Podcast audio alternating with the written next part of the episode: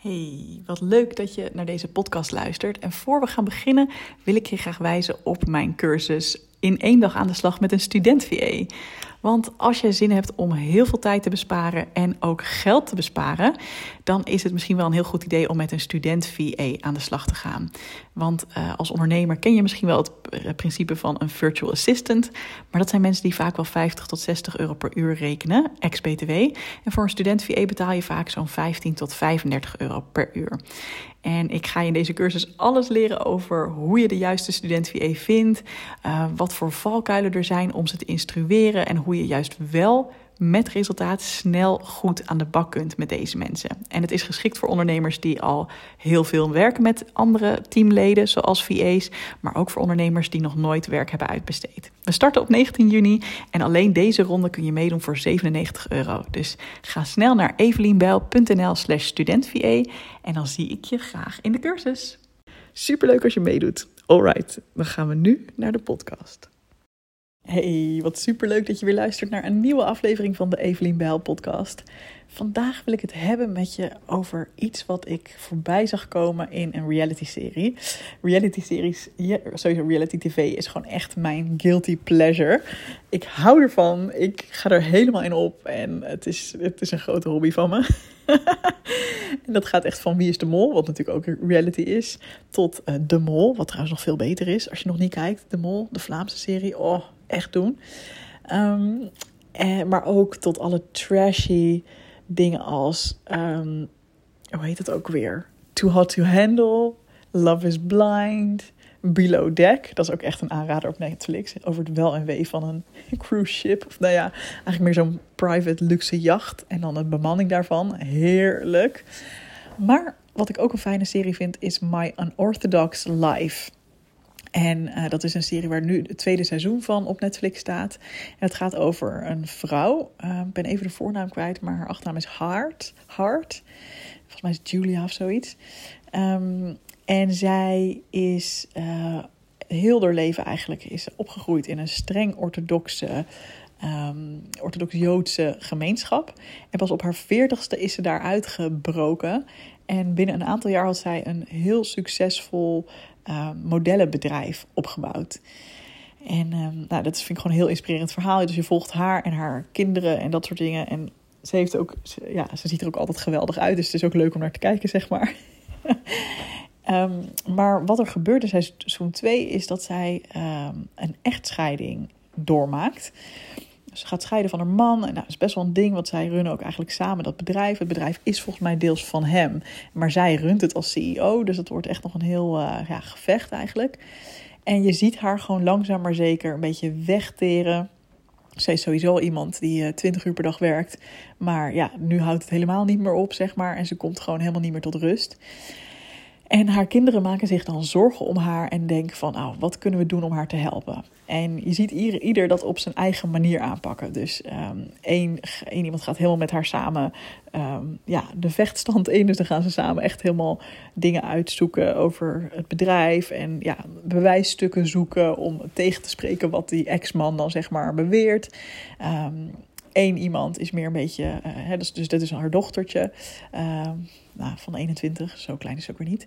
Uh, haar zoon die helpt haar door meer uh, ja, op de achtergrond aanwezig te zijn. En die probeert haar af en toe wat te laten eten, want dat is nog niet makkelijk.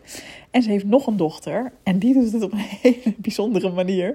Die heeft dan, terwijl ze dus midden met haar hoofd in al dit soort shit zit, heeft ze eerst een um, massage geregeld. Dus dat eh, heeft ze de favoriete massagedame, hoe noem je dat? Masseuse van haar moeder naar het appartement laten komen in New York met nog iemand anders, zodat ze dan samen gemasseerd konden worden.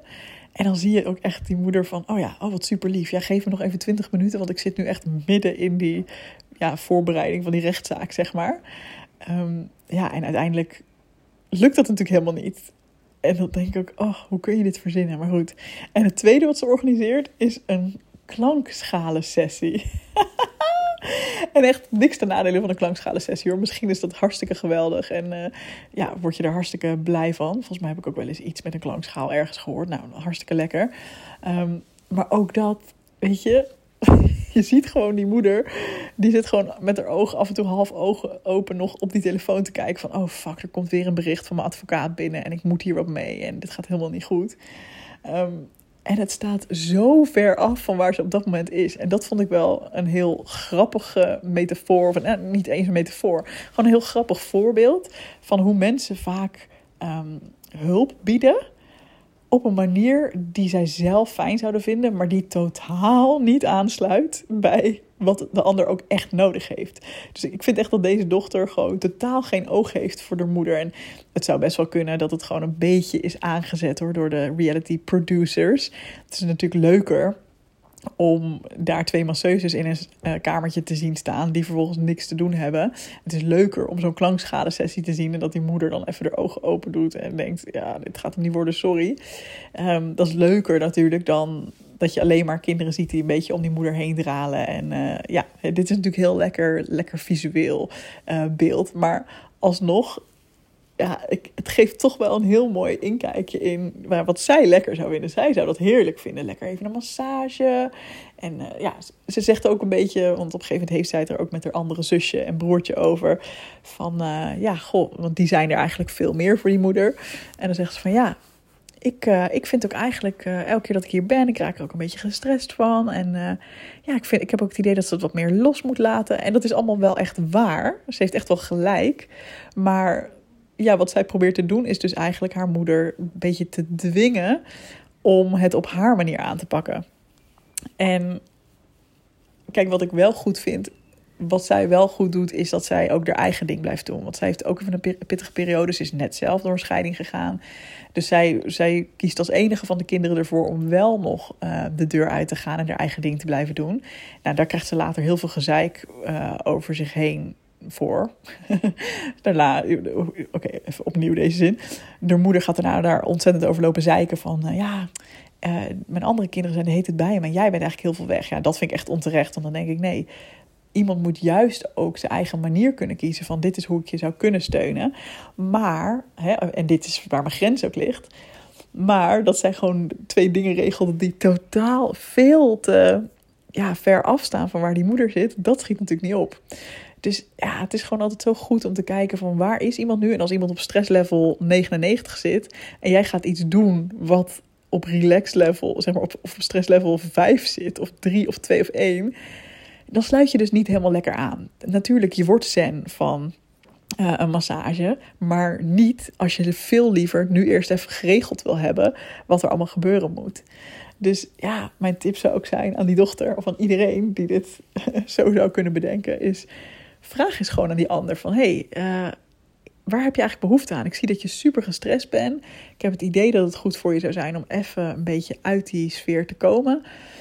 Wat zou voor jou nu helpen? Hoe kan ik jou nu het meeste bijstaan? En misschien is dat wel gewoon er zijn en af en toe je moeder een knuffel geven. En dat ze dan weer lekker verder kan met, weet je wel, hard werken aan die rechtszaak bijvoorbeeld.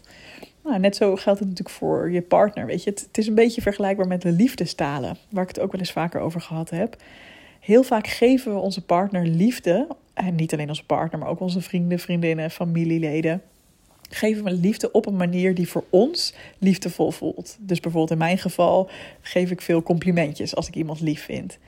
Um, maar dat wil niet zeggen dat dat ook is hoe diegene het liefst um, ja, liefde ontvangt.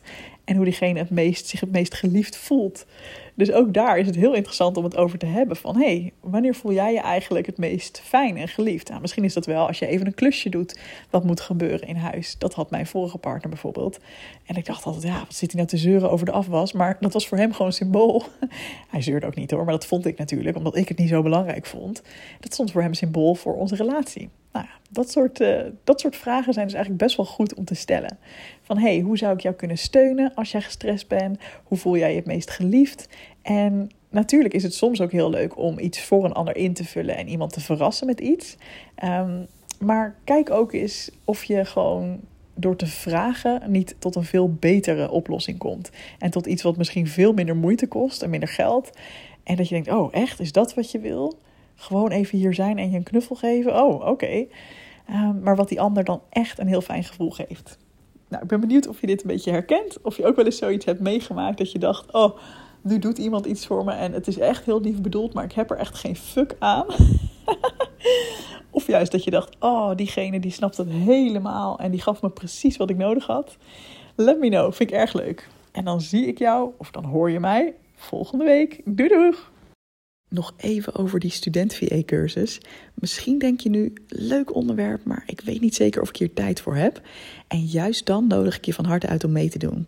Ik heb de cursus zo ontworpen dat je er binnen een paar uur mee klaar bent en je kunt het helemaal volgen op een manier die voor jou werkt. Ik heb bijvoorbeeld een optie gemaakt om de hele training in audio te volgen in plaats van in video. Dan kun je bijvoorbeeld tijdens het maken van een wandeling of het uitruimen van je vaatwasser alle kennis tot je nemen. En geloof me, deze cursus gaat je juist heel veel tijd opleveren, want ik zie dat veel ondernemers twee fouten maken. Eén, ze doen veel te veel zelf. Of twee, ze besteden taken niet op een slimme manier uit, waardoor het alsnog elke keer heel veel tijd kost wanneer ze mensen gaan inwerken of vragen moeten beantwoorden van hun teamleden. En dit is echt mijn zoon of genius. Ik ben een van de meest luie ondernemers die ik ken. En dat kan ik ook zijn doordat ik heel goed ben in anderen werk van mij over te laten nemen. Dus als jij zin hebt om ook een luie ondernemer te worden, meld je dan meteen even aan op evelienbel.nl slash studentva.